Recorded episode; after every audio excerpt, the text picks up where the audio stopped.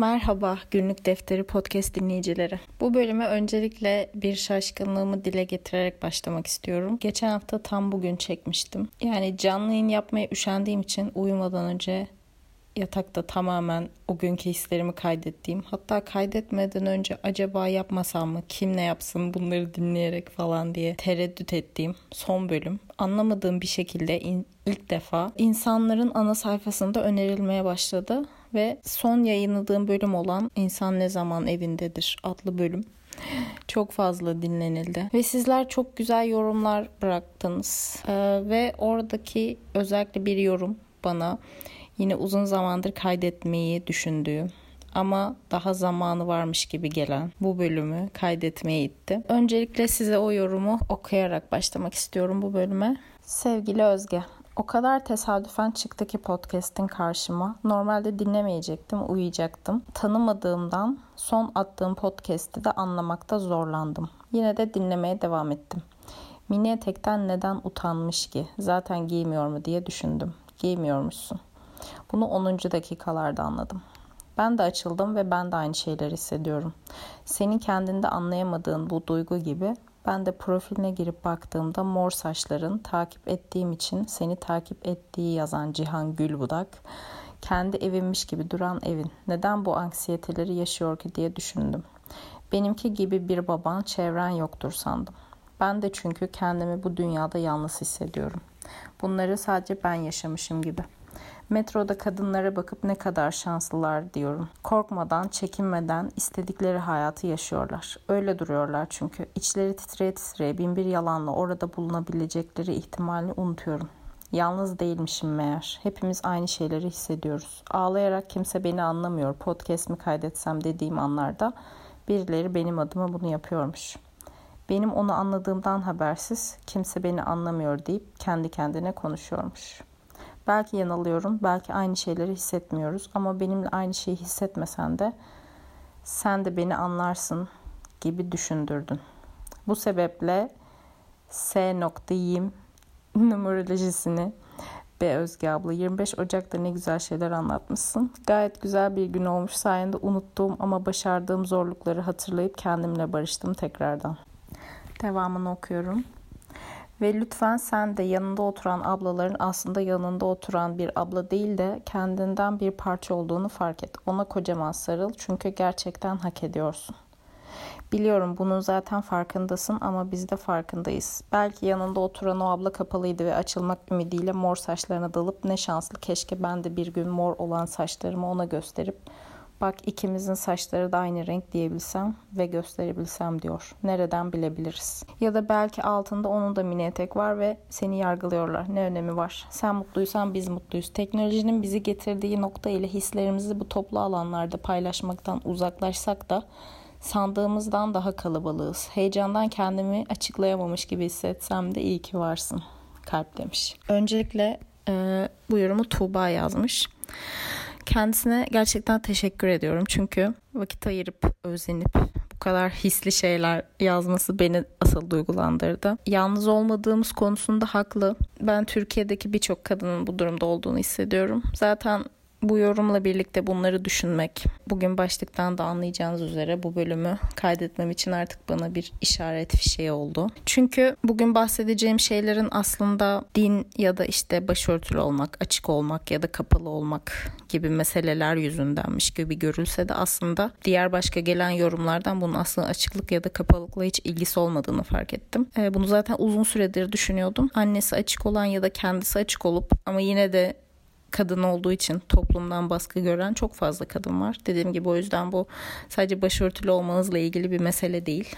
Ki kadın olmak ve taciz bölümümü dinlediyseniz yine bu podcast'ta olan benim zaten başörtülüyken başörtülüyken de tacize uğradığımın hikayesini dinlemişsinizdir. O yüzden birinci sebep bu. İkinci sebepse ben annesinden yeterli desteği görerek büyümüş bir kız çocuğu olamadım maalesef biliyorum birçok kadın, birçok kız çocuğu bu şekilde büyüyor zaten. O yüzden belki zaten ben çoğunlukla kadınların dinlediğini biliyorum ama belki yaşı küçük kız çocukları falan da vardır. Belki 15'inde, 16'sında, 17'sindedir. Benim o yaşlardayken hiçbir rehberim, hiçbir kılavuzum yoktu.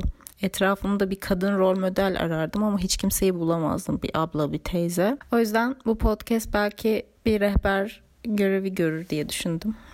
Bence her kız çocuğunun bunları dinlemeye ihtiyacı var. Ama gerçekten son bölümde bir parçanın sadece içimden geçenleri paylaştığım bölümün insanları bu kadar etkilemesi bana yine o içimden gelen o kadınsı tarafın, o dişil enerjinin, o akışa bırakmam gerektiğini söyleyen tarafın yani içimden gelen sesin hiçbir zaman yanılmadığımı bir kez daha kanıtladı.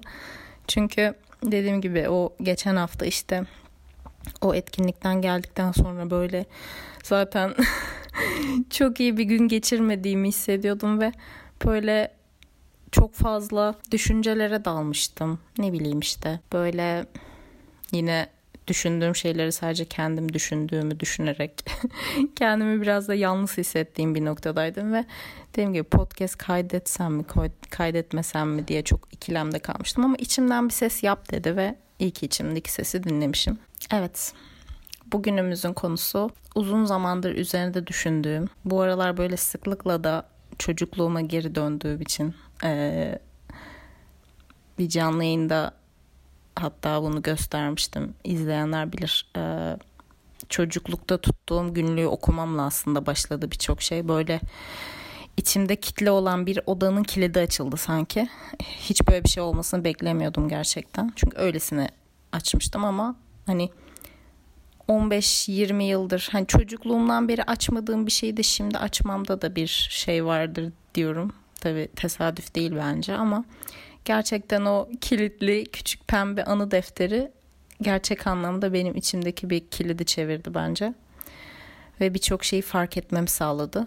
Ee, bir gün bununla ilgili bir video yapacağım demiştim ama videoda anlatılamayacak kadar e, özel ve kıymetli şeyler içeriyor bence. Bir kısmından bu bölümde bahsedeceğim gibi geliyor. Bakalım e, konuşmanın akışına göre ilerleyecek. Yine bir çok fazla bir not almadım. Tamamen e, akışa göre konuşacağım. Araya bir e, kamu spotu sıkıştırayım yine bu arada.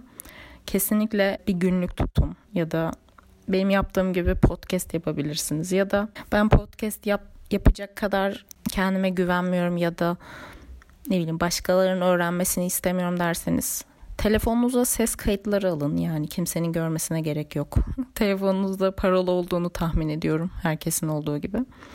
Sizden başka kimsenin o dinleyememesini sağlayabilirsiniz. E, bunu neden söylüyorum? Dediğim gibi o çocukken tuttuğum şey bile benim bu yaşımda bana çok büyük açılımlar sağladı. Baya hayatımı kurtardı gibi bir şey oldu. O yüzden mesela siz bir gün geçiriyorsunuz. Bir şeyler düşünüyorsunuz mesela. Yani çok büyük bir olaylı bir günü de yaşamamış olabilirsiniz. Ama size göre çok dümdüz bir günde bile geriye dönüp baktığınızda o günkü bakış açınızdan o baktığınız andaki hayatınıza dair bence birçok şeyin çözümünü bulabiliyorsunuz. Bu yüzden söylüyorum. Bence çok önemli bir şey hislerinizi kaydetmeniz. Çünkü unutuyoruz yani. Her şeyi kafamızdan geçen her düşünceyi, her hissiyatı aklımızda tutmamızın imkanı yok yani. Hani bu böyle olsaydı ve her ço- çoğunlukla unutuyoruz yani. Ya da bir yerlere bastırıyoruz bir şekilde hislerimizi ama unutmasak delirirdik zaten her şeyi hatırlayarak yaşayamayız çünkü. Ama kendimize böyle minik hatırlatıcılar koymalıyız bence. Dediğim gibi ben çok faydasını gördüm. O yüzden size de öneriyorum. Yazı yazarak, video çekerek, ses kaydı yaparak, resim çizerek belki o da olabilir. Çünkü bana bazen eski çizimlerime bakmak bile o an mesela o çizimi hangi duyguyla yaptığımı bile hatırlatabiliyor mesela. Bu bile bir his kayıt yöntemidir bence. Böyle gerçekten faydasını gördüğüm için size öneriyorum. Ee, bunu yapmaya başlarsanız eminim faydasını göreceksiniz. Neden böyle bir başlık seçtim? Erkek gibi yetiştirilmiş kız çocukları. Ben böyle bir kız çocuğuydum mesela. Ee, benim bir erkek kardeşim var. Ee, annem maskülen bir kadındır benim. Yani böyle zaten Kendisi Trabzonlu yani Karadenizli. Ee, bilmiyorum hayatınızda hiç bir Karadenizli bir kadın tanıdınız mı ya da böyle bir akrabanız var mı ama e, benim anne tarafım Karadenizli olduğu için e, birçok Karadeniz kadını da böyle gözlemleme şansım oldu. Karadeniz kadınları böyle biraz şeydir. Hani şey denir ya kendi canının kıymetini bilmeyen işte böyle erkek gibi çalışan çok sert işte böyle hiç böyle hani kadınsı bir yanı olmayan yumuşak böyle İngilizce'de o nurturing denen o besleyici o hani sesleri de böyle hep çok kalındır. Annemin sesi öyledir mesela böyle normal konuşması bile böyle bağırarak bir konuşma tarzı vardır. Aslında konuya buradan girmeyecektim. Çok dan diye girdim galiba ama neyse. Dediğim gibi önceden bir senaryo şeklinde yazmadığım için. Aslında ben size bugünümü anlatacaktım. Neyse bir saniye kafamda konuları e, toparlayacağım. Bu arada bu bölümde biraz annemden, biraz aile dinamiklerinden bahsedeceğim ama e, bunları hani şey gibi anlatmayacağım yani işte anne babamı suçlamak amaçlı vesaire değil. Zaten artık gerçekten bu yaşımda artık anne baba suçlamanın e, ne kadar gereksiz bir şey olduğunu ve bana hiçbir şey katmadığını zaten artık farkındayım. Dışarıdan öyle gibi durabilir ama dediğim gibi böyle bir amacım yok. Sadece bazı şeyleri hani kendi kafamda bir bağlama oturtabilmek için de bazı şeylerden bahsetmem gerekiyor. Ama dediğim gibi bunları kesinlikle suçlama amaçlı söylemiyorum. Öyle anlaşılabilirse diye belki. Gerçi annem ve babam bu podcast'ı asla dinlemeyeceklerine eminim ama yani böyle ne bileyim sadece kendi hislerimi anlattığımdan herkesin emin olmasını istiyorum sadece. İkinci bir hatırlatmam da şu yönde olacak. Eminim beni başörtüsü kullanan kadınlar da dinliyordur. Buna eminim. Çünkü bazen benim YouTube'da meşhur bir videom var. İzleyenler bilir. İşte yeni hayatımın ilk günü diye. Böyle bir video çekmiştim. İşte başörtümü çıkartma kararı aldığım zaman. Çok fazla yorum gelmez o videoya. Ara sıra gelir. Ee, bazen de işte başörtüsü, başörtülü olduğunu tahmin ettiğim kadınlar böyle bana tırnak içinde laf sokmalı bazen yorumlar atıyorlar. ee, o da ayrı bir konu da neyse. Ee, sadece şunu söylemeye çalışıyorum. Yani şey o bana işte o kötü yorumları atan kadınlar sanırım şöyle bir e, savunmaya giriyorlar. Yani benim işte başörtülü hayatımdan bahsetmem ya da bu konu hakkındaki hislerimi belirtmemi ya da o mesela o videoyu çekmem bile onlara bir saldırı değil e, tamamen kendi hislerimi anlatmak için. Yani şuna hiç alışkın olmadığı için insanlar hani bir kadın kendi kıyafeti ya da kendi bedeni üzerinde istediği bir kararı verebilir ve bu sadece o kadın onu istediği ve onu ilgilendirdiği için yaptı. Yani bu başkasına zaten zarar veren ya da başkasını etkileyen ya da başkasının fikirlerine bir saldırı değil zaten. Ama o kadar alışkın değiller ki kadınlar hani özgür karar verebilir. Bu doğal bir şey. Bunu bir şey gibi hissediyorlar. Kendilerine bir tehdit gibi hissediyorlar sanırım ve en son mesela şöyle bir yorum gelmişti. İşte o videomu ben e, vicdanımı rahatlatmak için çekmişim falan. Böyle bir ithamda bulunmuş bana. Bunu yazan kişi de bir kadın bu arada. Çok ilginç. Ben o videoyu kendi vicdanımı rahatlatmak için çekmedim. Çünkü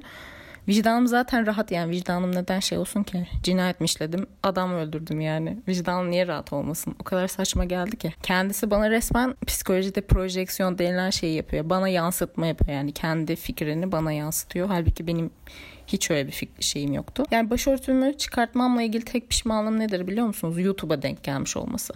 Mesela YouTube'dan önceki hayatımda bunu yapmış olsaydım zaten ne bir video çekmem gerekecekti ne insanlara açıklama yapmam gerekecekti. Ha, belki yeri gelirse derdim ki aa biliyor musunuz ben eskiden işte böyle bir insanım başörtü takıyordum falan der geçerdim. Ama şimdi şimdi düşünsenize çok saçma olmaz mı? Bir yıl boyunca neredeyse hatta iki yıl boyunca o şekilde bir video çekmişim ben değil mi? Öyle videolarım var ve onları hala kaldırmadım duruyorlar da yani. Ve sonra birden ertesi gün ben kimseye bir şey demeden, bir açıklama yapmadan böyle saçlarım açık bir şekilde video çekiyorum. Sizce çok saçma olmaz mıydı yani? Herkes bu sefer soracak. Biliyorum yani.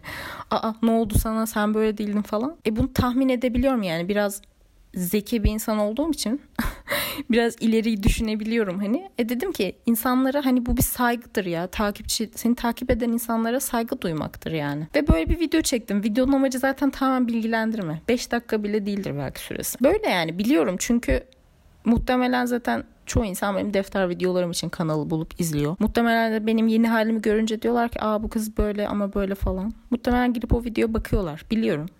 Ve o videoya çok ilginç bir şekilde erkekler daha anlayışlı yorumlar bıraktı bugüne kadar herhalde. Kadınlar daha bazı kadınlar diyeceğim. Ee, bazıları yine çok iyi yorumlar yaptı tabii ama bazıları böyle çok ya saldırgan ya da bana akıl verir tarzda hani ben sanki bilmiyormuşum gibi. Böyle aslında kadınlara en çok kadınlar da düşmanlık yapıyor bu arada. Bu da bir bence başka bir kadın yarısı. Ben de kendisine güzelce bir cevap verdim. Ne diyeyim? Umarım anlamıştır. Öyle o yüzden şimdi hem bu bölümde hem belki bundan önce ya da bundan sonra böyle bu konularda bahsettiğimde bunun kimse yani kimsenin bunu böyle bir tehdit olarak algılamasını istemiyorum. Çünkü bir kere en başta zaten düşününce e, ben de eskiden böyle birisiydim ve birisi bana başörtümle ilgili bir şey söyleseydi hani sen kimsin ne haddine falan derdim yani. Tabii ki de böyle bir şey izin vermem ama şöyle bir şey var ben başörtülüyken de kimsenin şeyine karışmazdım yani insanlara saygılıydım. Birisi başörtüsünü çıkarttığında gidip ona ne bileyim işte şey yapmaya da çalışmazdım yani. Bu da bence bana biraz saygısızlık gibi geliyor. O yüzden sadece kendi duygu durumumu anlatıyorum yani. İşte insanları ön yargısız dinleyebilmek burada noktaya giriyor. Mesela şeyi hatırlıyorum. Üniversite birinci sınıftaydık sanırım. Arkadaşımızın evine gitmiştik. Onların da işte bilmiyorum resim bölümünden bir kız vardı galiba. İlk başlarda böyle hani başörtülü bir kızdı falan. Sonra ben fark ettim böyle kız işte Facebook'una mesela açık fotoğraflarını koymaya başladı. Ben mesela ilk şöyle demiştim. Aa bu kız açılmış falan. Tepkim bu oldu sadece mesela. Allah Allah niye açılmış gibi. Mesela ben bunu düşünmüştüm. Gidip de kıza sen nasıl açılırsın şöyle falan yani kızı yargılayıcı bir şey bir yorum bir, bir şey yaptığımı hatırlamıyorum yani. Sadece şunu merak ettim. Acaba onu bunu yapmaya ne itti? Mesela ben böyle düşünmüştüm. Bu yani işte insanların da yapması gereken maksimum bu olduğunu düşünüyorum. Ee, ama herkes böyle düşünmüyor. Biraz içlerinde bir yerde bunu kendilerine bir tehdit gibi hissediyorlar galiba. Ya da kendileri de bunu yapmak istiyor ama yapamadığı için yapan kişiler onlara böyle tehdit gibi mi geliyor bilmiyorum. Mesela gözlemlediğim şeylerden biri şey birisi de şuydu. Şu aralar mesela işte böyle hani kapalı başörtülü influencerlar da var biliyorsunuzdur. Ee, onlar böyle bu aralar bilmiyorum onlarda bir akım oldu. Tek tek hepsi neredeyse başörtülerini çıkartmaya başladılar. Ve onların yorumlarını özellikle bakıyordum ben işte o ilk günlerde falan. Yorumlarında gerçekten o kadınları kötüleyen, o kadınlara hakaret eden kişiler yine hep kadınlardı biliyor musunuz? Ve özellikle başörtülü kadınlar tabii doğal olarak. Onların kitlesi daha çok başörtülü kadınlardan oluşuyor. Mesela erkek çok fazla görmüyordum yani. Hep kadınlar işte yargılıyor işte niye böyle bir şey yaptım işte cehenneme gideceksin değer miydi bu dünyanı yakmaya falan. Yani bir de bu dünya meselesini açıklığa kavuşturmalıyız bence. Biliyorum orada neyi kastettiklerini anlayabiliyorum. Çünkü ben de eskiden böyle bir kafadaydım. Ee, bu dünyanın bomboş bir yer olduğunu, esas hayatın ahiret hayatı olduğunu, bu dünyada sadece imtihan için olduğumuzu ve bu dünyada yaptığımız hiçbir şeyin önemli olmadığını. Ee, o yüzden kendini salmış, kendini boş vermiş bir insanım zaten. Hep öbür dünyayı düşünerek yaşardım böyle. Ama o işler böyle olmuyor. Yani öbür dünya zaten hani o bakış açısına göre bile zaten e, bu dünyada yaptıklarınla cenneti kazanmak zorundasın değil mi? İslami bakış açısına göre. E, bu dünyada iyi yaşamasan zaten otomatik olarak cennete gidemeyeceksin. Yani bu bir şey hali zaten. Tabii ki hiçbirimiz öldükten sonra ne olduğunu asla kesin kes bilemeyiz. Herkesin kendine göre bir inandığı bir şey var bu noktada. Benim de kendimce artık inandığım bir şey var. Ama genel olarak ben bunun bir e, bilinç hali olduğuna inanıyorum. Yani bu dünyadaki bilinç halin neyse onu zaten öte tarafa onu taşıyacaksın. Yani sen bu dünyada böyle ben dümdüz yaşayayım, ot gibi yaşayayım ama ölünce cennete gideceğim. Ben böyle bir şeye inanmıyorum. Yani bu dünyada yaptıkların zaten neresiyse zaten öbür dünyaya bedenimizle gitmeyeceğiz yani bir ruhumuz olduğu kesin gibi bir şey zaten artık. Ruhumuzla gideceğiz. Yani oraya zaten ruh deneyimlerimizi götüreceğiz. Ben bu arada reenkarnasyona falan da inanmıyorum. Hani ona genelde spiritüalistler ona inanıyorlar. İşte öldüklerinde başka bir bedenle işte bu dünya tekrar geleceklerine inanıyorlar. Ben buna inanmıyorum mesela. Tabii ki inananlara saygı duyarım. Herkes aynı şeye inanmak zorunda değil. Bu bana biraz haksızlık gibi geliyor çünkü ben kendimi unutup başka bir bedende kendimi hiç hatırlamayacak bir halde geleceksem o zaman kendi öz varlığım nereye gidecek benim mesela? Ya da bu varlığı başka birisi mi alacak? Hani o zaman bana biraz kendime ihanet gibi geliyor. Bilmiyorum ben bu noktada böyle bir inancım var benim. Böyle ya neyse bu inanç kullarına nereden geldim?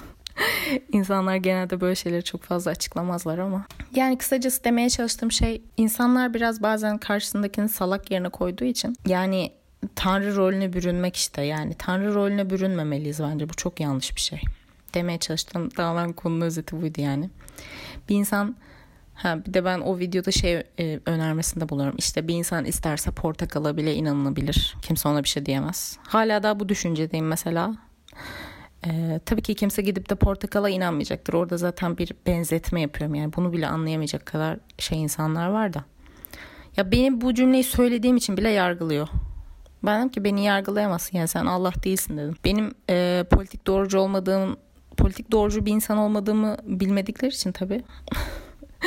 ben yay burcuyum yani biraz yay burcunun özelliklerine çok basit kısa bir Google araştırması yaparsan yay burcunun bilinen iki özelliği vardır zaten hani en en bilinen özelliği bir özgürlüğüne düşkün olması iki dürüst ve ağzına geleni çat çat söyleyen insanlar olmasıdır ki çoğunlukla zaten bu özelliği yüzünden çok fazla sevilmezler ki bu özellik zaten bir adamda evet belki bir derece okey görünüyor ama bir kadında zaten tahammül edilebilir bir şey olmadığını da farkındayım ama ben böyleyim yani ne yapabilirim Aralık ayında doğduysam bu benim sorunum değil yani.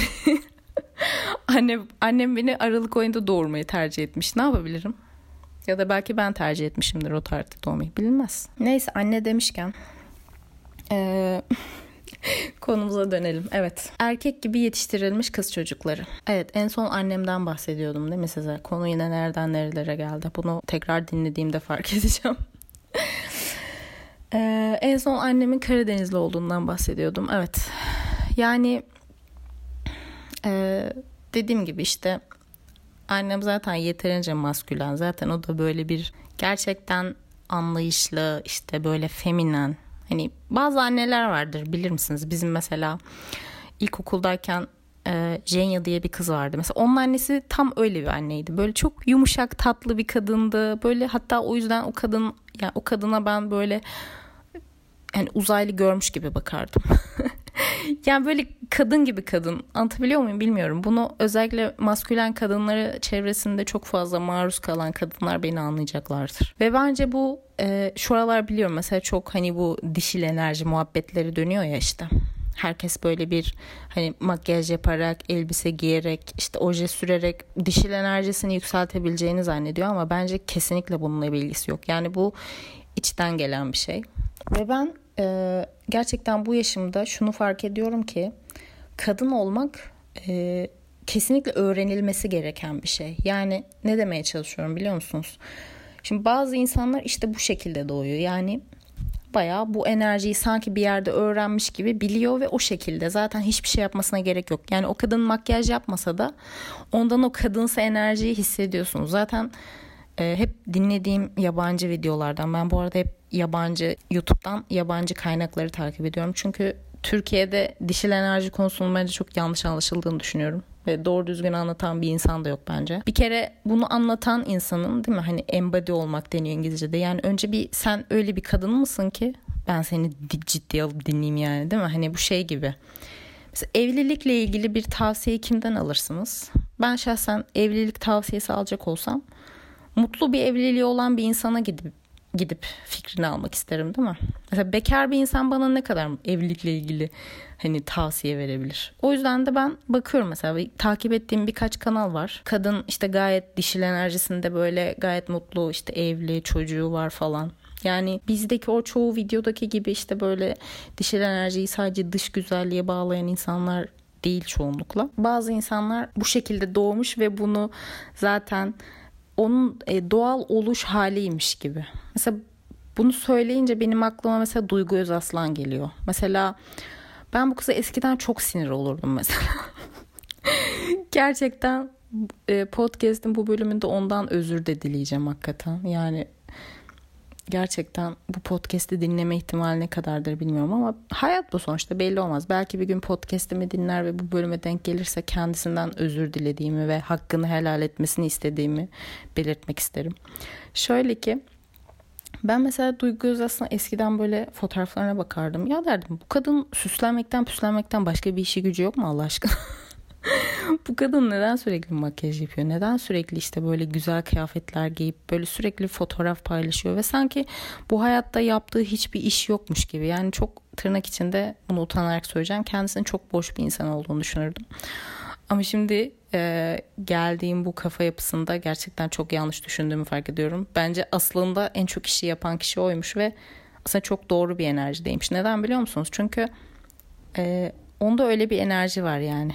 Tamamen herkesin bildiği bir figür olduğu için onun üzerinden anlatacağım. Çünkü muhtemelen hepimizin bildiği kadın figürleri birbirinden çok farklıdır. Mesela ona bakacak olursanız mesela bence bu arada çok aşırı güzel bir kadın değil. Hani hani bakıldığında internette bence çok daha güzel işte internet ünlüleri ne bileyim sanatçılar oyuncular var. Hani yüz güzelliği olarak bahsediyorum. Ama bence onda artı özellik olan şey e, birincisi zaten ben bütün şeylerinde fark ettiğim bir kere çok ailesi yani ailesinde çok özgüvenli yetiştirilmiş. Hani kimse onun işte şunu yapamazsın bunu yapamazsın diye kısıtlamamış.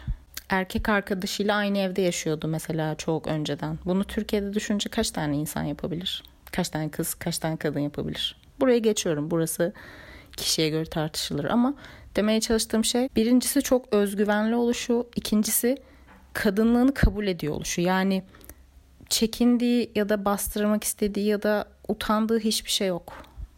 Bu kadar. Yani ne demek istediğimi anlatabildim mi bilmiyorum. Beni rahatsız ediyordu çünkü bu bende eksik olan şeydi. Zaten karşımızda insanlarda bizi sinir eden, tepki vermek istediğimiz şeyler muhtemelen bizim içimizde olmayan ya da bize eksik işte bize o yansıtılan şeyler oluyor. Yani bu tetiklendiğiniz noktalara bence e, biraz bakın derim. E, bende de eskiden vardı bu. Tabii eskiden böyle bu konulara çok kafa yoran birisi olmadığım için bunu fark etmiyordum. Mesela Duygu Özaslan'ı engellemekte bulmuştum çareyi. Yani göz ardı etmiştim beni çok sinir ettiği için. Yani böyle doğan şanslı kişilerden değilseniz işte aslında bu da yanlış bir tabir oldu. Zaten kadın cinsiyetinde bu dünyaya geldiyseniz zaten içinizde bu enerji var olarak doğuyorsunuz. Ama büyürken özellikle ergenlikle birlikte önce kendi aileniz sonra çevrenizden baskı göre göre sizi bu yanınızı törpülemeniz öğretiliyor. Yani üstelik bunun din dinle de bilgisi yok. Ben biliyorum çoğu din bir etkisi olmayan atıyorum mesela annesi açık işte babası öyle çok hani bazı insanlar vardır mesela hayatını din yönetir. Hayatına işte din bakış açısından bakar. Benim babam böyle bir insandır mesela. Her şeye din penceresinden bakar. Annem o kadar değildir mesela. Ama bazı insanlar için bu böyle değildir. Yani işte hayatında din referans olmayan insanlarda da kızlar baskı görebiliyor. Mesela işte ergenliğe girdiğinde artık erkekler tarafından tabii ki dikkat çekmeye başladığı için işte onu giyme, işte makyaj yapma, süslenme ya da işte eve şu saatte gel falan. Ben de e, bunu zaten son bir yıldır üzerine düşünüyorum. Kendi kadın olma sürecim ve kadınlığımı kabul ettiğim bu süreçte. Mesela sürekli çocukluğuma, ergenliğe ilk girdiğim yıllara işte bir genç kız olduğum sonrasında bir kadına dönüşmem gereken ama aslında kendimi tamamen kapatmayı seçtiğim için bir kadına dönüşemediğim ne kadın olduğum zaten belli ki erkek de değilim bir kadın vücudundayım ama bir kadın gibi değilim bir kadın enerjisi yaymıyorum sürekli önceki tercihlerimi düşünüyorum ve sorguluyorum mesela o yüzden aklıma sürekli e, yaşadığım şeyler geliyor ee, o yüzden e, başlığı işte bu şekilde attım. Yani erkek gibi yetiştirilmiş bir kız çocuğuydum ben. Ee, her şeyden önce bir kere bir erkek kardeşim olduğu için mi böyle bir şey yaşadım? Bir ablam olsaydı ya da bir kız kardeşim olsaydı durum daha mı farklı olurdu? bilmiyorum ama bunun bir etkisi olduğunu düşünüyorum. Mesela ben hep çok isterdim bir ablam, bir abim olsun ama şimdi düşünüyorum keşke gerçekten bir ablam olsaydı. Bu kadar zorlanmazdım herhalde hayatta diye düşünüyorum. En azından ona danışabilirdim. Ya da ablam olmayacaksa da gerçekten kendi kadınlığını reddetmeyen bir annem olsaydı da bence bence abladan da daha da iyi olurdu. Çok çok iyi olurdu. Çünkü bu bence dediğim gibi öğretilmesi gereken bir şey. Mesela küçükken düşündüğüm şeylerden birisi de şuydu benim hep. İşte bir erkek kardeşim var, bir babam var. Evde ben varım. Kadın cinsiyetinde bir de annem var ama annem zaten o yönlerini hiçbir zaman göstermiyor. Ee, annemin bir tek erkek kardeşi var. İşte teyzem yok ne bileyim annemin kız kardeşleri yok işte anneannem yok. Yani bizim ailemizde mesela eksik olan şey bir kadın figürüydü. Mesela yan komşumuz vardı. Yan komşumuzun mesela bir kızı vardı. İşte yani kız böyle sürekli şey anlatırdı. İşte teyzelerim, teyzelerim, şu teyzeme gitti. Kızın gerçekten 5-6 tane falan teyzesi vardı. Ben hep şöyle düşündüm. Ya benim niye teyzem yok acaba? Düşündüğüm şey buydu. Kendimi böyle kötü hissederdim. Ya o kadının işte bir sürü kız kardeşi vardı. Yani belli ki daha böyle kadınların olduğu bir ortamda büyümüş. Ve gerçekten onların hayatları çok farklıydı yani.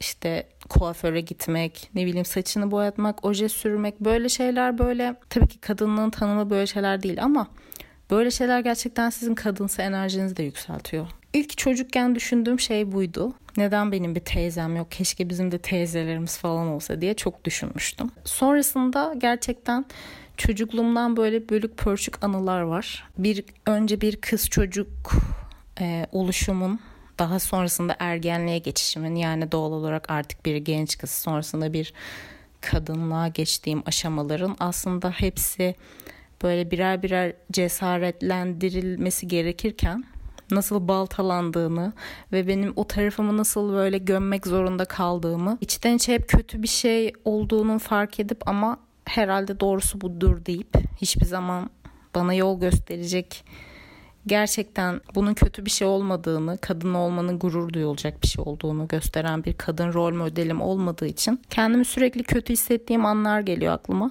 Bu tarz anları sadece benim yaşamadığımı tahmin edebiliyorum. O yüzden şimdi size onlardan birkaç tanesini ya da birkaçını artık aklıma gelenleri paylaşmak istiyorum. Mesela sanırım ortaokula geçtiğim yıldı. Yani işte 5'ten 6. sınıfa geçtiğim zaman kaç yaşında oluyorum? 11 ya da 12 oluyor herhalde. Benim matematiğim biraz kötüdür. Tam hesaplayamadım ama 6. sınıf yani bayağı küçük bir yaş bakıldığında. Şeyi hatırlıyorum böyle farklı bir sınıfa geçmiştik. Daha yani yılın ilk başları. Eylül ayındayız zaten. Eylül ayı falan işte. Okulun ilk günüydü galiba. Göğsümde böyle çok keskin bir acı hissetmiştim. Ne olduğunu anlayamadım tabii ki. Hiçbir şeyden haberim yok. Kimse beni önceden uyarmamış. Ama inanılmaz bir ağrı, bir acı hissettim. Hani o ağrı hala aklıma geliyor gerçekten. Sonra eve gittim. Anneme dedim ki anne dedim ya benim bugün buralarım çok ağrıdı. Böyle gösterdim elimle işte göğsümün olduğu o zaman henüz tahta şeklinde olan göğüslerimi gösterdim. Sonra annem hatta baktı inceledi böyle biraz elledi falan. Bir şey yok dedi. Ben de bilmiyorum sonra ne oldu öyle kaldı yani. Meğerse benim göğüslerim çıkıyormuş. Yani o yüzden öyle bir ağrı hissetmişim.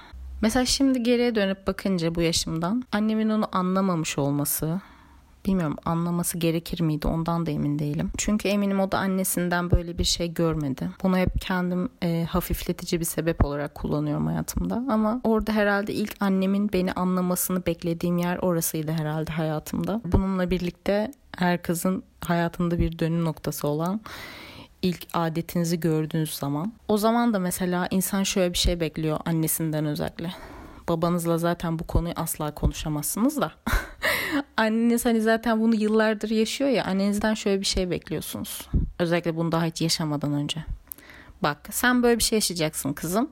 İşte böyle böyle olacak. İşte her ay vücudun kanama geçirecek resmen. Baya normalde başka bir yerinde olsa hastaneye kaldırmanı gerektiren bir durum. Ama bu kadınlar için doğal bir durum. İşte kadınlar her aylarının bir haftasını böyle eziyet çekerek geçirirler. Basically hasta halde geçirirler yani. Ama korkma bu çok doğal bir durum falan. Hani aslında gerçekten her kıza böyle anlatılması gerekiyor bence. Bana da anlatılmadı. Türkiye'de birçok kıza anlatıldığını zannetmiyorum. Hatta Anadolu'da ilk adetini gören kıza tokat atılması gibi bir gelenek olduğunu duymuştum. Ben tokat yemedim en azından. O açıdan kendimi şanslı hissetmeliyim galiba şu an. Bu arada bazı insanlar bunu çok yani bazı kızlar bunu çok genç yaşında oluyor. Bazıları çok daha ileri bir yaşta oluyor. Ben de biraz geç bir yaşımda oldum galiba. Lisedeydim yani bence geç bir yaş. Kimi kızlar ortaokulda bunu ilk defa yaşıyorlar ve bugün bu arada ben hastanedeydim ve sırada beklerken jinekoloji odasının önünde bir kadın vardı benimle birlikte bekleyen. Onunla böyle ufak bir muhabbet yapmıştık. O da mesela bana ilk defa 19 yaşında olduğunu söyledi ve bu da bence bayağı geç bir yaş. 19 yaş yani. Ama düşününce göğüslerinizin çıkması için 11 yaş da bence çok erken bir yaş ya. Düşünsenize daha çocuksunuz. O kadar kötü bir his ki aslında. Sen daha çocuksun yani çocuk olmak istiyorsun çocuk olarak kalmak istiyorsun ama vücudun artık seni kadın olmaya hazırlıyor ve vücudun değişiyor. Bu konuyla ilgili kimseyle konuşamıyorsun. Annem bu konuda senin yanında olmuyor. Babanla zaten konuşamazsın. Belli ki erkek kardeşim böyle sorunları yok zaten. o yüzden erkeksi enerjilerle dolu bir evin içinde kız olmak galiba çok zor bir şeydi benim açımdan. Göğüslerim çıktığı için utandığımı hatırlıyorum. Bir akrabamız beni utandırmıştı toplum içinde. O, onu hatırlarım hep mesela. Halbuki hiç utanılması gereken bir şey değil. Mesela bugün o bahsettiğim sıradaki kadın 45 yaşında olduğunu söyledi bana ve sanırım erken menopoza girmiş. Ee, işte tekrar adet görmesi için doktor sanırım ona bir hap yazıyormuş işte o ilacını tekrar yazdırmak için gelmiş. Şeyi düşündüm yani bazen işte göğüs kanseri olan işte rahmini aldırmak zorunda kalan ya da çok erken yaşta 40 yaş gibi mesela kadınlar genelde 50 ile 55 arasında menopoza girerler. Çok erken bir yaşta kadınlıkları ile ilgili organlarında sorun yaşayan kadınlar aslında kadınlığını, kadın tarafını reddeden kadınlar oluyor genelde. Ve bu hiç iyi bir şey değil işte. Aslında beni bugün bu kaydı yapmaya iten şey ben eskiden böyle birisiydim. Bir kadın olduğumun o kadar farkında değildim ki bununla ilgili her şeyi reddediyordum. O yüzden asla makyaj yapmazdım. O yüzden Duygu Özaslan'a gıcık olurdum. Sürekli makyaj yaptığı ve kadınlığını kabul ettiği ve bir kadın olarak var olduğu için. Yani benim tam tersimi yaptığı için. Ama siz ne kadar kafanızda bunu reddederseniz edin. O yüzden işte bu dünyayı unutup sadece öbür dünyaya göre yaşamak işte bu yüzden sıkıntılı. Evet spiritüalist bir insan olmak biraz hani maddi manevi denir ya. Bu dünya maddi taraf. Manevi tarafta bizim ruh tarafımız işte. Ama şunu yapamıyoruz hiçbir zaman değil mi? Ya ben çok ruhçu bir insanım. Ben hep öbür dünyayı düşüneceğim. O yüzden bugün de yemek yemeyeyim. Böyle bir şey yapamıyoruz değil mi? Ya da bugün de uyumayayım. İşte bu dünya önemli olmasaydı, bu dünya boş bir dünya olsaydı biz yemek yemek zorunda olmazdık. Biz işte para kazanmak zorunda olmazdık. Bizim belli başlı bazı ihtiyaçlarımız olmazdı. Yani bu dünyaya gelmişsen, bu insan vücudunda bedenlenmişsen bu dünyanın hakkını vermek zorundasın. Ben de eskiden böyle düşünen bir gerizekalıydım işte. bu dünya o kadar umurumda değildi ki. Hani ertesi gün ölsem gerçekten umurumda olmaz bir kafadaydım yani. İşte bu taraflarını kabul etmeyince sen istediğin kadar kabul etme yani bir yerden çıkıyor işte. Ya vücudunda sorun yaşıyorsun ya da hayat sana bam diye bir yerden gösteriyor. Bende de şöyle oldu galiba. Benim e, ergenliğimden beri bitmek bilmeyen bir sivilce problemim var. Bunu herhalde birkaç podcast önce de anlatmıştım. Yani bu sivilce problemini çözmek için düşünün yani geçen sene artık burun ameliyatı bile oldum yani. o kadar bunu, bunu kafaya taktım ki çünkü delireceğim yani. Bir insan 33 yaşında olup hala ergenlikteki gibi sivilce problemiyle uğraşmamalı yani. Hani ergenlikte olur bir dönemdir yaşarsın geçer ama bende böyle olmadı. Özellikle bir de hayat bana bir inatla gözüme gözüme sokmaya çalışarak 2023'te e, bunun şiddetini arttırdı yani. Yani bir insanın kolunda sivilce çıkabilir mi ya? Böyle bir saçmalık olabilir mi? hani yüzünde çıkar anlarım tamam. Zaten kadınsan regil olmadan önce sivilce çıkması artık Allah'ın emri gibidir yani. Mutlaka çıkar bir tane iki tane. Okey minik böyle hemen sönen tarzdadır okey anladık. Ama bende böyle değil. Yani böyle bir de ur gibi kist gibi böyle artık canımı yakıyor canımı acıtıyor. Dedim ki bunu çözmem lazım yani bu böyle olmayacak. Her şeyi geçtim. Vücudumda bana bir sorun olduğunu anlatıyor. Ne olduğunu çözmeye çalışırken dediğim gibi yanlışlıkla burun ameliyatı bile oldum yani. Yoksa ben gerçekten herhalde sivilce sorunum olmasaydı burnumun yani nefes alamadığımı, burun etlerimin falan zaten farkında olmazdım. Ama dediğim gibi bu sorun beni artık doktor olmaya kadar itti yani. Ve 2023 deli gibi bunu çözmeye çalışmakla geçti benim için. Ee, ki bu benim için yeni bir şey de değil yani. Ben tam 2014 senesinde de bunun için kadın doğum doktoruna gitmiştim. Bunun iki adı var burada. Yani jinekoloji çok denmiyor aslında. Genelde bu biraz kadın doğum olarak geçiyor. Kadın doğum ve hastalıkları gibi. Yani hamile olsanız da olmasanız da kadın doğum olarak o bölüme gitmeniz gerekiyor kısacası. Ee, ben 2014'te gitmiştim ve doktor bana senin hormonal bozukluğun var ve doğum kontrol hapı kullanman lazım dedi. Ben de o zamanki kafamla hayır ben bunu asla kullanamam dedim ve bunu reddettim ve kullanmadım. Nedense bana e, sanki hani doktor e, siyanür hapı falan önerdi gibi Sanki onu içsem öleceğim. İşte doğum kontrol hapını kafamda o kadar kötü bir şeyle birleştirmişim ki herhalde. Hani doğum kontrol hapını kadınlar niye kullanır? Hamile kalmamak için. Şimdi ben düşünüyorum benim öyle bir hayatım var mı? Ben evli miyim? Hayır. Aktif bir cinsel hayatım var mı? Yok. Hamile kalma tehlikem var mı? Yok. O zaman ben bunu neden içeyim ki? diye düşünüyorum. Bir yandan da şöyle düşünüyorum. Bir de bu hap çok iyi bir hap değil yani böyle evet bir amaca yönelik kullanılıyor ama yan etkisi çok fazla. Yani öyle diyorlar bilmiyorum. Ee, kullananlar daha iyi bilecektir ama ben hayatımda hiç kullanmadım.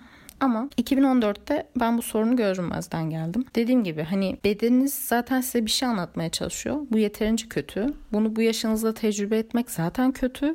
Ama üçüncü ve en önemlisi bence sizin tamamen mental halinizi çok bozuyor. Yani depresyona sokuyor resmen. Yani ben gerçekten bazen hele en son sanırım geçen yaz Ağustos ayında yüzüm o kadar kötü olmuştu ki artık böyle bazı günler video çekmek içimden gelmiyordu yani. Çoğu videolarım zaten concealer diye bir şey olmasa ben video falan çekemem yani. Yüzüm bazen o kadar kötü bir halde oluyor ki. Telefonumun dandikliğinden ve makyaj sayesinde bunları kapatabildiğim için video çekebiliyorum. Yoksa gerçekten bazen ağlayacak kadar kötü hissettiğim günler oluyor. O yüzden artık dedim ki Özge bu böyle gitmez yani. Bu sorunu çözmen gerekiyor artık.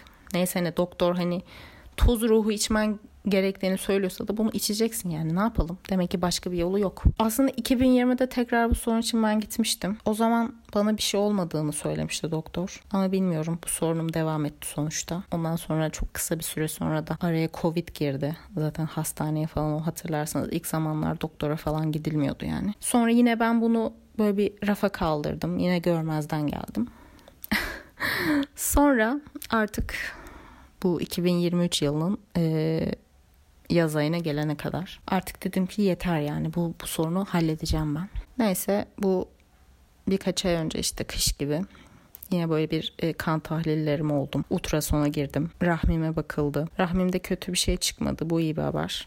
Ama dediğim gibi kanımda ne çıktı? Benim testosteron hormonum çok yüksek çıktı. Yani bir kadında testosteron hormonunun yüksek olmaması gerekir. Ee, bunun sebeplerini az çok tahmin edebiliyorum. Bu biraz aslında stres seviyeleriyle de alakalı. Ben uzun zamandır böyle tek başıma bir hayatta kalma mücadelesi verdiğim için diye kendi dandik doktorluğumla böyle bir çıkarım yapıyorum. Bunu tetiklediğini düşünüyorum. Çünkü 2023'te çok fazla çoğaldı bu benim açımdan. Doktor bugün yine aynı şey söyledi başka bir çözümü yok yani bunu kullanmak zorundasın dedi. Kaçtığım şeyden 10 sene sonra tekrar karşıma çıktı dedim. Ve bunu kullanacağım artık. Gerçekten başka bir çarem kalmadı. Çok direndim. Çok kaçmaya çalıştım ama yani ne yapalım? Her kadın hayatının bir döneminde bunu kullanıyor. Kimi insanlar başka amaçlar için kullanılıyor. Ben de bu amaçla kullanacağım artık. Yapacak bir şey yok. Yan etkileri de çok fazla sanırım. Özellikle depresyona sokma ihtimali varmış ama benim zaten şu an bu cildimin bu kadar bozuk olması beni zaten yeterince depresyona soktuğu için ilacın depresyona sokma ihtimali ben hiç şey dikkate bile almıyorum gerçek. Cildim güzelleştikçe benim moralim yerine gelecektir zaten diye tahmin ediyorum. ee, böyle bugün mesela işte hastanedeydim. Hayatımda böyle bir e, somut karar aldım. Ve bugünle birlikte bu kadın olmak üzerine kafamdaki hisler daha da çoğalınca beni bu kaydı yapmaya yöneltti. İçimden dedim ki testosteronumun bu kadar yüksek olması galiba hayatıma sürekli dişil enerjili erkeklerin gelmesini açıklıyor bence. bir de böyle bir durum var gerçekten. Bundan da konuşmak istiyorum biraz. Aslında birçok kadın bence yaşadığı ilişkilerde yaşadığı sorunlar bence hep buradan çıkıyor. Ben de eskiden böyleydim ve bunu göremiyordum o zamanlar bunun farkında olmadığım için. Hani doğuştan şanslı olan ve gerçekten iyi mutlu bir ilişkisi olan insanları bir tarafa koyuyorum. Ama bence diğer kalan ve bundan sürekli şikayet eden kadınlar bence bu kadınsı enerjilerinde olmadıkları için hayatlarını hep dişil enerjiler erkek çekiyorlar ve başta ilk başta böyle evet bir elektriklenme oluyor gibi olsa da bir süre sonra sen maskülen enerjindesin. Aslında karşı tarafın o enerjide olması gerekiyor. Bu sefer karşındaki erkek böyle seni daha kadın gibi hissettirecek şeyleri yapması gerekirken senden aynı şeyleri bekliyor. Sen de bu sefer kafan karışıyor bir kadın olarak. Bunu benim yapmam gerekmiyor ki bunu karşı tarafın yapması gerekiyor diyorsun. O zaman hatta şöyle bir şeye varıyorsun. O zaman beni sevmiyor demek ki. Halbuki bununla hiçbir alakası yok. Çünkü ikiniz de tamamen ters enerjide çalışıyorsunuz. Bu çok önemli. Uzun zamandır bunun üzerine videolar da izliyorum. Hani o az önce bahsettiğim kadın mesela şundan bahsediyordu. O da uzun yıllar mesela böyle işte iki evlilik yapmış. İlk evliliği gerçekten berbatmış yani kadının. Kadın hep maskülen enerjisinde olduğundan işte kocası evde otururken gidip onun böyle sürekli iş peşinde koşturmasından, eve onun bakmasından, işte sürekli böyle bir erkek enerjisinde olmasından bahsediyor. Artık diyor sonunda burnout oldum diyor. Yani vücudum iflas etti diyor. Yani bir de hakikaten böyle bir yönü de var. E, çoğu kadın 30'larına geldiğinde e, kendisi mental olarak bu hasıl culture'a devam etmeye çalışsa da mesela bunu ben de yaşadım. Vücudun hayır diyor artık seni durduruyor gerçekten ve bunu daha fazla yapmak istemiyorsun. Benim son zamanlarda işle ilgili her şeyi boş verip biraz daha yavaş, daha slow living dedikleri tarza geçmemdeki sebep bu. Çünkü biraz daha bu tutumu devam ettirirsem muhtemelen sivilceden çok daha kötü bir şey gelecekti benim başıma. Belki de kanser olacaktım. Belki çok daha kötüsü hiç bilmiyorum. Ama hayat ben bunu anlamasaydım bana çok daha kötü bir darbeyle bunu anlatacaktı. O yüzden durmam gerektiği yeri en azından anlayabildiğim için mutluyum. Bu söylediklerim bilmiyorum kaç kişiye, kaç kadına şu an yankı uyandırıyor ya da hissettiriyor. Ama bunu yaşayanlar benim ne demek istediğimi bence anlayacak. Bir noktada sıkı çalışmak, kendini parçalarcasına bir erkek gibi maskülen enerjinde koşturmalı, etmeli, yapmalıyım, etmeliyim. Bu modda çalışmak bir kadına asla iyi gelmiyor. Asla iyi gelmiyor. Mesele para kazanmak da değil bu arada.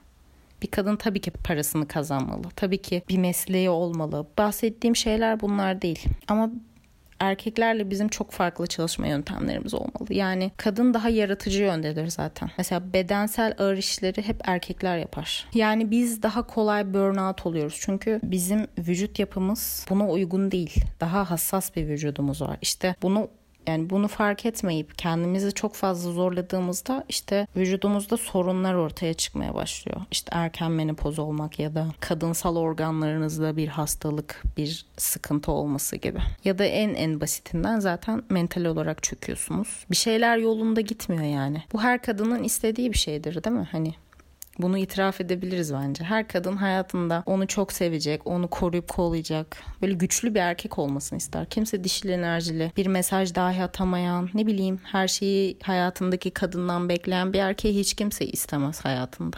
Yani eşcinsel değilse. Ki kadın şundan bahsediyordu. Gerçekten hani aynı e, cinsiyet ilişkilerinde bile dedi ki dikkat edin her zaman orada bile bir maskülen ve bir e, feminen taraf vardır. Ki ben bunu sonradan fark ettim. Gerçekten doğru. Mesela benim Instagram'da takip ettiğim bir kadın var. Böyle sanatçı bir kadın. işte Avustralya'da yaşıyor.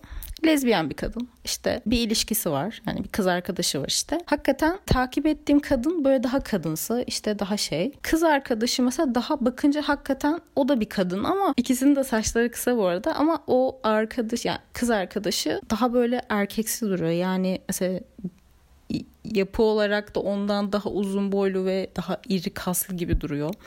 Mesela işte evlenmeye karar vermişler. O bahsettiğim kişi kız arkadaşına evlenme teklif ediyor. Mesela dikkatimi çeken şey bu kıza hani normalde işte erkek diz çöküp işte evlenme teklif eder ya böyle yüzük tutar. O sahnede mesela o bahsettiğim daha erkeksi özellikleri olan vücut yapısı olan kız işte bu kızın önünde diz çöküp ona işte yüzük tutuyor. Mesela şunu düşündüm ben hani bir kız arkadaşım olsa böyle bir cinsel tercihim olsaydı Mesela bunu nasıl karar veriyorlar? Mesela neden o kız diz çöküyordu öbürü diz çökmüyor? Ben olsam belki de olay çıkartırdım. Ya da ben diz çökmek istemiyorum diyebilirdim. Ne bileyim bana mesela bunu düşündürdü yani. Neye göre karar veriyor? İşte demek ki bir taraf hakikaten daha böyle şey tarafta. Yani hakikaten o kadının dediği şeyde çok büyük doğruluk payı var yani aynı cins ilişkide bile bir taraf daha maskülen yani erkeksi enerjide bir taraf kadınsı enerjisinde. Zaten buna kutuplaşma deniyor. Yani bu olmadan zaten bir şeyin olması mümkün değil. Yani kadın erkek birbirine çekilemez. Öbür türlü arkadaş olursun zaten. Arada bir çekim olmaz. Bunu bir de etrafımdaki evliliklere bakıyorum mesela. Uzun zamandır insanları inceliyorum. Hakikaten bunun tespitlerini görüyorum. Mesela kadının daha maskülen olduğu bir evlilikte erkek mecburen daha dişil bir erkek olmak zorunda kalıyor. Ya da tam tersi olursa zaten daha doğal bir şey olmuş oluyor. O yüzden işte her kadın hayatında böyle birisini isteyeceği için doğal olarak e, o yüzden sen kendi kadınlığını kabul etmediğinde hayatına sağlıksız erkekleri çekiyorsun ve sağlıksız ilişkiler yaşıyorsun. Kimse bunu yaşamak istemez yani doğal olarak ve bu bana e, kendimi sorgulatmıştır mesela. Hmm, ben bunu hayalimde bu yok mesela. Ama bakıyorum benim hayatıma böyle insanlar geliyor. O zaman bende bir sorun var ya da bir sorun var demeyelim de kendimi değiştirmem gereken bir nokta var demek ki. Yani ben şeye de inanmıyorum bu arada. Yani şu aralar biliyorsunuz internette çoğu şeyi konuşamazsınız. Yasak gibi, tabu gibi bir şey. Yani politik doğrucu insan çok fazla. Ee, ama bazı insanların da doğruları konuşması gerekiyor bence. Yani evet keşke böyle olmasaymış yani ama e, dünyanın düzeni bu. Ne yapabilirim yani? Bunu bu düzeni ben oluşturmadım ki. Yani bu aynı yer çekimi yasası gibi bir şey. Evet ben de uçmak isterim ama uçamıyorum değil mi? Hani onun gibi bir şey. Yer çekimi var çünkü. Biz istesek de istemesek de bu dünyada, bu yeryüzünde bazı kanunlar ve kurallar var. Ve bu bizim tarafımızdan e, uygulanmadı, koyulmadı. Biz bunlara uymak zorundayız. Ben mesela çocukken, bunu canlı yayında anlatmıştım. Komşumuzun bahçesinden kendimi geriye bırakmıştım. Ben yer çekimine inanmıyorum falan diye düşündüm herhalde. Uçabileceğime inandım. Ama ne oldu? Pat düştüm ve kolum kırıldı. Belki de beynim patlayacak ve ölecektim. Yani işte bazı şeylere inanmıyorum. İşte sen yalan söylüyorsun işte falan filan. Ama yani bazı gerçekler var. Ne yapalım? Hani evet kadının mesela çocuk doğurma kapasitesi var değil mi? Böyle bir yeteneği var. Bir rahmi var. Karnında çocuk büyütebiliyor ve onu doğurabiliyor. Böyle bir gücü var. Ama bir erkekle bir araya gelmediğinde bunu yapamaz ki. Kadın tek başına bunun için yeterli değil. O yüzden işte bu feminist akım işte bu erkekleri küçük görmek ya da erkeklerin kadınları küçük görmesi aslında çok saçma şeyler. Yani hiçbir taraf birbirinden üstün ya da şey değil. İki tarafın da birbirine ihtiyacı var bu hayatta bir birliktelik olabilmesi adına. O yüzden böyle tartışmalar bana çok saçma geliyor. Herkes kendi rolünü benimsemeli. Yani rol derken işte kadınsa kadınlığını, erkekse erkekliğini, eşcinselse konu çok farklı tabii ki. Onlar daha başka bir hayat penceresinden bakıyorlar. Bu arada eşcinsel demişken ondan da bahsedecektim. Şeyi fark ettiniz mi? Buna da çok mesela ben fark ediyorum. Trans kadınların yani erkekken kadına dönüşen kişilerin çok daha kadınsı bir enerjileri oluyor hiç fark ettiniz mi? Çünkü onlar gerçekten kadın olmayı o kadar çok istiyorlar ki ve o kadar benimsiyorlar ki dümdüz kendiliğinden kadın olan birisinden bile daha kadınsı duruyorlar yani. Bu, bu da mesela benim çok e, ilgimi çekmişti. Valla konu nerelere geldi? Çok fazla daldan dala mı atladım bilmiyorum ama aslında çocukluğumdan ve genç kız zamanlarımdan yani böyle işte 16-17'yi falan kastediyorum. Aklıma gelen birçok anı var aslında. Hepsini anlatmak istiyorum ama çok mu daldan dala oldu bilmiyorum. Ama genel olarak böyle. Yani aslında konu şuradan e, başlığımız şuydu değil mi? İşte erkek gibi yetiştirilmiş kız çocukları. E, ben bu kız çocuklarından birisiydim. O yüzden sanırım kendimi bulmakta, bir kadın olduğumu fark etmekte çok geç kaldım gerçekten. 30'umdan sonra bir kadın olduğumu idrak etmeye başladım. Gerçekten bunu itiraf ediyorum yani. Ve dediğim gibi kadın olmak bence böyle bir rol modeliniz ya da anneniz olmadıysa gerçekten kendi kendinize öğrenmeniz gereken bir şey etrafınızda sağlıklı kadınlar da olması gerekiyor. Bu çok önemli. Mesela şimdi ben düşününce eskiden hayatımda hani kız arkadaşlarım bile aslında hep benim gibi maskülen enerjiye daha çok sahip insanlardı. Onun dışında zaten bir pikmi kız özelliği olan daha çok erkek arkadaşımın olması durumu. ee, mesela bunlar hep işte geriye dönük işte hayat geriye dönük düşününce anlaşılabiliyor bazı şeyler. Anneme bu konuda işte biraz öfkeliyim yani hem bir yanım onu savunuyor o da annesinden böyle gördü diyor ama bir yanım da işte mesela ben de annemden böyle gördüm ama bunları düşünebilecek bir noktaya gelebildim hayatta. Belki o da gelebilirdi diye bir yanım hala onu suçlamak istiyor. Ama suçlamıyorum tabii ki de. Ama anneme hep herhalde kızdığım ve bilmiyorum bu konuyu hala aşabilmiş değilim herhalde. Dediğim gibi bir erkek kardeşim olduğu için aslında videonun başında e, podcast'ın başında bahsetmiştim o kısım yarım kaldı. Bir erkek kardeşim olduğu için benim bir kız olduğum çok fazla unutuldu ve ben de bir erkek gibi yetiştirildim. Benim bir kız olarak ihtiyaçlarım hiçbir zaman görülmedi. Ne bileyim kardeşimin sünnet düğünü yapıldı mesela. Onun sünnet düğünü böyle gururla işte yapıldı. İşte ona o sünnet kıyafetleri giydirildi, mahallede dolaştırıldı, ona paralar takıldı. Ama ben kadın olma emarelerini göstermeye başladığımda yalnız başıma bırakıldım. Bunları tek başıma anlamlandırmaya çalıştım. Hatta bazen bunlar için utandırıldım.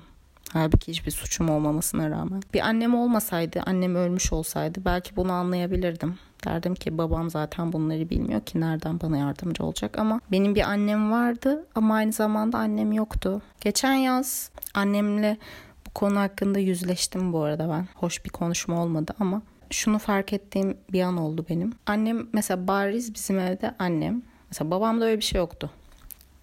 Ee, babam hani çok ilgili baba değil ama en azından ikimize diyordum ki eşit ilgisizlikte. Hatta çoğu durumda ben kız olduğum için bazı maddi konularda beni daha çok kayırmış bile diyebiliriz. Kayırmıştır diyebiliriz. Ama annem hani bariz Emre'yi benden daha çok seviyordu. Ki bu hala bence böyle. ama artık bunu çocukluğumda olduğu kadar üzülmüyorum.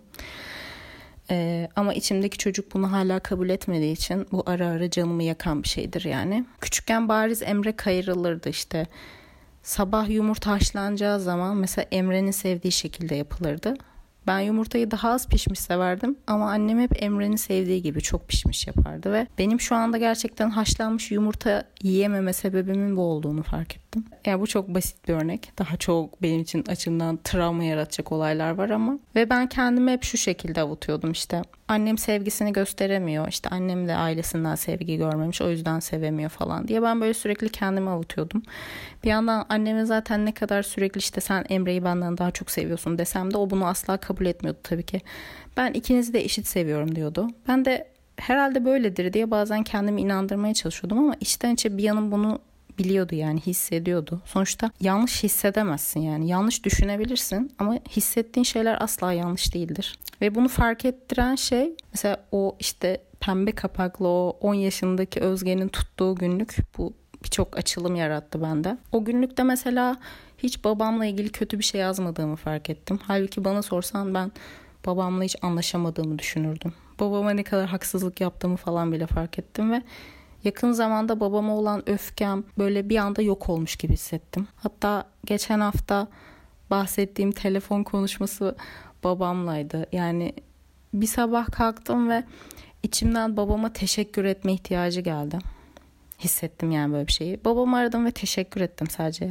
Bugüne kadar benim için yaptığı her şeyle ilgili. Babam çok mutlu oldu mesela buna. Muhtemelen böyle bir teşekkürü hiç duymadı ve bunu hak ettiğini düşündüm. Sonra ama benim için daha üzücü olan kısım o günlükte e, sürekli annemle ilgili şeyler yazmıştım. Annem tarafından nasıl hiç onaylanmadığımı, hiç bir teşekkür bile alamadığımı.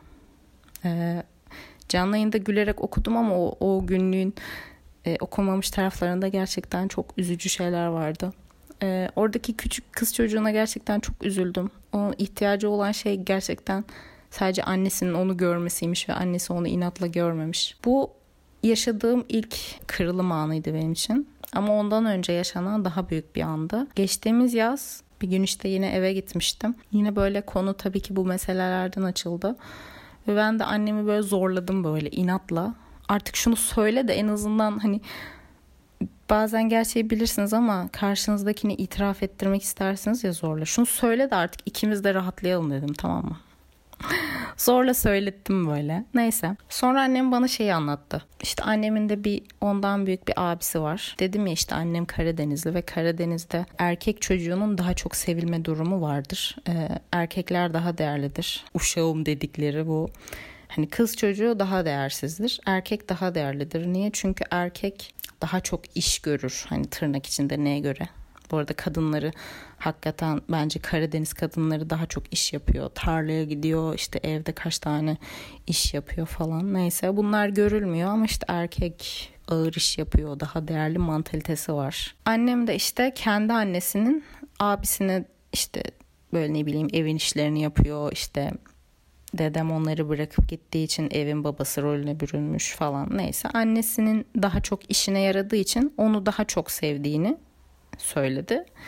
Doğal olarak annem de benim yaşadığım şeyi yaşamış aslında. Yani abisine yani erkeğe daha çok değer verildiğini görerek büyümüş. Bunu söyleyince biraz içim rahatladı. En azından neden yaptığını öğrenmiş oldum. Tabii ki asla yine bu içimdeki o parça iyileşmedi bence. Ama en azından nedenini öğrenmiş oldum ve bunu bana ilk defa söyledi yani. Çünkü bana hayatımda bu yaşımda ilk defa e, işte bu kendimi kandırmamın dışında bir şey dank etti. İşte hep kendimi kandırıyorum ya. Annem sevgi göremediği için beni de sevemiyor. Ama şunu hiç düşünmemiştim. Evet bana sevgisini gösteremiyordu ama Emre'ye çok güzel bir şekilde sevgisini gösterebiliyordu. Madem ailesinden sevgi görmemişti o zaman Emre'yi nasıl sevebiliyordu? Mesela hiç bu yönden düşünmediğimi fark ettim. Ve o an hani emotional breakdown dedikleri şeyi yaşadım ben kendi çapımda. Hoş bir an değildi gerçekten. Zaten anneme bunu açıkladıktan sonra bana bu şeyi anlatmak zorunda kaldı. Ee, yani böyle. 2023'ün benim için zor bir yol olduğunu hep söylemiştim işte. Böyle ufak ufak değil de bu tür kriz anlarını çokça yaşadığım içindi galiba. Yani bu kısacası bir lanet gibi ve kırılması gereken bir lanet. YouTube'da izlediğim kadın şöyle diyordu. Bazen ailede laneti kırmak için bir kişi seçilir ve bu kişi bu kadın kendini iyileştirirse kendisinden 7 kuşak öncesini ve 7 kuşak sonrasını iyileştirir anlamına geliyor. Annem bunu fark edememiş. Onun için bir gün olur da benim bir kız çocuğum olursa ona bunları bilerek aynı şeyleri yaşatırsam işte o zaman ben suçlu birisi olurum. Ben bu noktada lanet kırıcı oluyorum galiba. Bu önemli bir şey bu arada. Dün bir belgesel izlemiştim. Bir kız 16 yaşında bir olaylar sonucu işte yanlışlıkla bir adamı öldürüyor. Sonra kız hakkında bir belgesel yapmışlar. İşte onun annesi, onun annesinin annesi. Üç kuşak boyunca yani aslında işte tacizler, işte çocukluğundan itibaren cinsel tacizler vesaire böyle çok travmatik olaylar yaşayan bir aile geçmişi var. Ve bayağı patern gibi bir şey olmuş. O kız da bu paterni kıran kişi olmuş bence. Hapse giriyor işte bir 15 yıl falan kalıyor ama çıktığında çok farklı başka bir kadına dönüşüyor. Sonra kadının Instagram'ına baktım. İşte kendine yeni bir hayat kurmuş. Böyle evlenmiş. Çocuğu var mıydı bilmiyorum ama kadın o travma döngüsünü kırmayı başarmış. Böyle insanlara çok saygı duyuyorum gerçekten. Mesela geçen gün YouTube'da şey izliyordum. Ee, bu Armağan Çağlayan'ın programları var ya. Armağan Çağlayan'a ne kadar katlanamasam da katılan insanların hayat hikayesini dinlemeyi sevdiğim için dinliyorum. Geçen gün tesadüfen ana sayfama Safiye Soyman'ın hayat hikayesi düştü. Dinledim. Mesela şey tahmin edebilir miydiniz yani? Safiye Soyman mesela 13 yaşındayken evlendirilmiş. İşte sonra evlendiği kişi çalışıp para kazanmasına çok bozulduğu için işte sen para kazanamazsın falan gibi böyle bir laf söylemiş. O da böyle inat etmiş işte bu sayede işte birçok anlatıyor da böyle bu şarkıcılık kariyerine falan başlamış falan. Mesela kadın şimdi diyor ki işte Allah razı olsun diyor. İyi ki bana o lafı etmiş diyor. O kocamdan Allah razı olsun diyor. Ben yoksa bugün bu kadın olamazdım diyor falan. İşte sonra biliyorsunuz Faik ile tanışıyorlar, evleniyorlar falan. Ama kadına helal olsun dedim ya hakikaten. Yani düşünsenize ben mesela şimdi çocukluğumla ilgili birkaç şey anlattım. Bana göre çok büyük şeyler değil mi? Ya bu kadın 13 yaşında evlendirilmiş ya bu ne demek? Ve kadın oradan bile çıkmayı başarmış yani kendini bayağı sıfırdan yetiştirmiş. O yüzden böyle kendini dönüştürmüş güçlü hikayesi olan kadınları ben çok seviyorum ve çok saygı duyuyorum. Umarım bir gün ben de öyle bir kadın olabilirim. Çünkü henüz hikayemi dönüştürebildiğimi düşünmüyorum ama o yoldayım. Ve bir yerlerde beni dinleyen erkek gibi yetiştirilmiş kız çocukları varsa da sadece kendi içlerindeki o o kızsal neşeyi, o kadın enerjisini kabullenmeleri gerekiyor. İçlerindeki sesi dinlemeleri gerekiyor. Biliyorum birçok kız, kadın annesinden babasından baskı görüyor. İşte onu giyemezsin, bunu yapamazsın gibi. Ben de bu baskılara uğradım tabii ki doğal olarak. O yüzden sanırım e, giyim tarzımı değiştirdiğim şu dönemlerde o yüzden yeni şeyler giymek bana çok garip hissettiriyor. Çünkü ben ilk defa bunu deneyimliyorum. Bunca zamandır bir kadın olarak yaşasam da bunları hiçbir zaman deneyimleyemediğim için bana şu an bir bebeğin yürümeye çalışmasındaki ilk zamanları gibi aslında bu deneyimlerim. O yüzden ben de öğreniyorum galiba. Mesele aslında görülmek, bir kadın olarak beğenilmek ya da sevilmek falan da değil. Geçen bölüm bahsetmeyi unuttuğum şey şuydu. İşte ilk defa elbise giydiğimden bahsetmiştim ya. Mesela orada şunu eklemeyi unutmuşum. Mesela o elbiseyi giydiğimde düşündüğüm şey şu değildi. Ay ben şimdi ne kadar güzel oldum. Herkes beni çok beğenecek. Bu değildi. İlk hissettiğim şey bunun ne kadar rahat ve kolay ve iyi hissettirdiğiydi. Yani böyle işte mesela başörtülü olmanın hiç bahsedilmeyen bir yanı var bence. Yani normal açık bir insandan giyinmek sizin için daha zor. Çünkü taktığınız şal, işte giydiğiniz şey bir de her şey size uygun değil. Şimdi bir de her şey çok iyi ama bundan bir 10 sene önce bile bu kadar başörtülü insanlar için bu kadar çok kıyafet seçeneği yoktu. Kendimden biliyorum. Mezuniyet baloma gideceğim zaman kendime kapalı ama aynı zamanda abiye ama aynı zamanda güzel bir elbise bulabilmek için ne kadar zorlandığımı hatırlıyorum. İşte başörtülü olduğunuz zaman sizin daha çok uğraşmanız gerekiyor. Daha tamam evet kapalısınız. Evet dikkat çekmemeniz gerekiyor. Mantığı tamamen bu. Kendinizi kapatıyorsunuz. Erkeklerin dikkatini çekmemek için bu başlık ve bu konsept adı altında. Ama içinizde yine de bir ne kadar kapatırsan kapat söndüremeyeceğin bir kadınlık hissi var. Ve o kadın e, evet güzelliğini kapatsa da bir dereceye kadar yine de güzel görünmek istiyor. Uyumlu görünmek istiyor.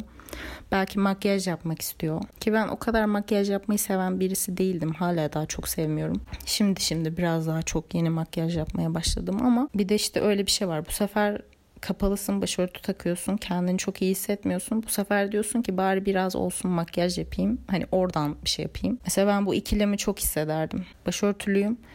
Arada bir de olsa çok nadir. Bazen makyaj yapardım. Ama bu sefer kendimi kötü hissederdim. Vicdan azabı gibi. İşte ama şimdi başörtülüyüm ama makyaj yaptım. Böyle bir yani sürekli kendimi böyle inanılmaz kötü durumları, kötü hislere sokup kendimi rahatsız etme konusunda bir numaraydım yani kısacası. O yüzden dediğim gibi işte o elbise konusunda hissettiğim ilk şey Allah'ım ne kadar rahat bir duyguymuş ya. Bu elbiseyle şu an böyle yürüyebilmek sadece rahatlık yani. İşte üstüme bunu almamalıyım. Şurası kısa kaldığı için üstüne şu hırkayı giymemeliyim. Hayır tek parça bir şey giydim. Gayet düzgün bir elbise zaten. Dekolte bir şey değil sonuçta. Ve inanılmaz rahatım. Ki rahat eden isteyen dekoltesini de giyebilir. Hiçbir sorun yok. Ama hissettiğim buydu ya. Mesela ben başörtümü ilk defa çıkartmaya karar verdiğimde yaptığım şey neydi biliyor musunuz? İlk kez dışarı çıktığımda ilk gittiğim yer marketti. Dedim ki ben markete gideceğim. İşte. Markete gitmek nasıl bir his? Yani başörtüm olmadan markete gitmek nasıl bir his? Sadece eşofmanımı giydiğimi hatırlıyorum. Ve markete gittim. Etrafıma bakıyorum. Herkes bana bakmıyor. O da mesela inanılmaz rahatlatıcı bir histi. Bu hislerimi daha önce hiç anlatmamıştım galiba size. Bu bölüm buna vesile oldu. Ee, bunları paylaştığım için de mutluyum. Yani kısacası böyle. Umarım bu düşüncelerimi, hislerimi yanlış anlayanlar olmaz diyeceğim ama eminim olacaktır. Sadece şunu bilin ki gerçekten sadece ne hissettiğimi paylaşmak istedim. Kimseyle bir derdim yok. Herkes istediğini giyebilir tabii ki de. Sonuçta ben de bir zamanlar istediklerimi giyiyordum ve birisi gelip bana karışsa muhtemelen niye tekrar edeceğim sen kimsin derdim. Yine isteyen istediğini giyebilir. Açık giyinen birisine de kendini kapatmayı tercih eden birisine de bizim hiçbir şey deme hakkımız yok. Bu kesinlikle bir saygısızlık. Ama şu da bir saygısızlık. Bu konular hakkında düşüncelerini ve fikirlerini belirten insanlara da bence sadece dinlemekten ya da katılıyorsak aynı fikirde olmaktan başka elimizden bir şey gelmez bence. Bu bölüm biraz uzun oldu. Aslında size vermek istediğim daha çok fazla örnek vardı ama herhalde bütün çocukluğumu ve eski hayatımı anlatmam anlamına gelecekti. O yüzden şimdilik bu kadar yeterli diyelim. Size zaten çok fazla içimi açtığımı düşünüyorum bu bölümde ama ben ilham verici kadınların hikayesini dinlemeyi hep çok seviyorum.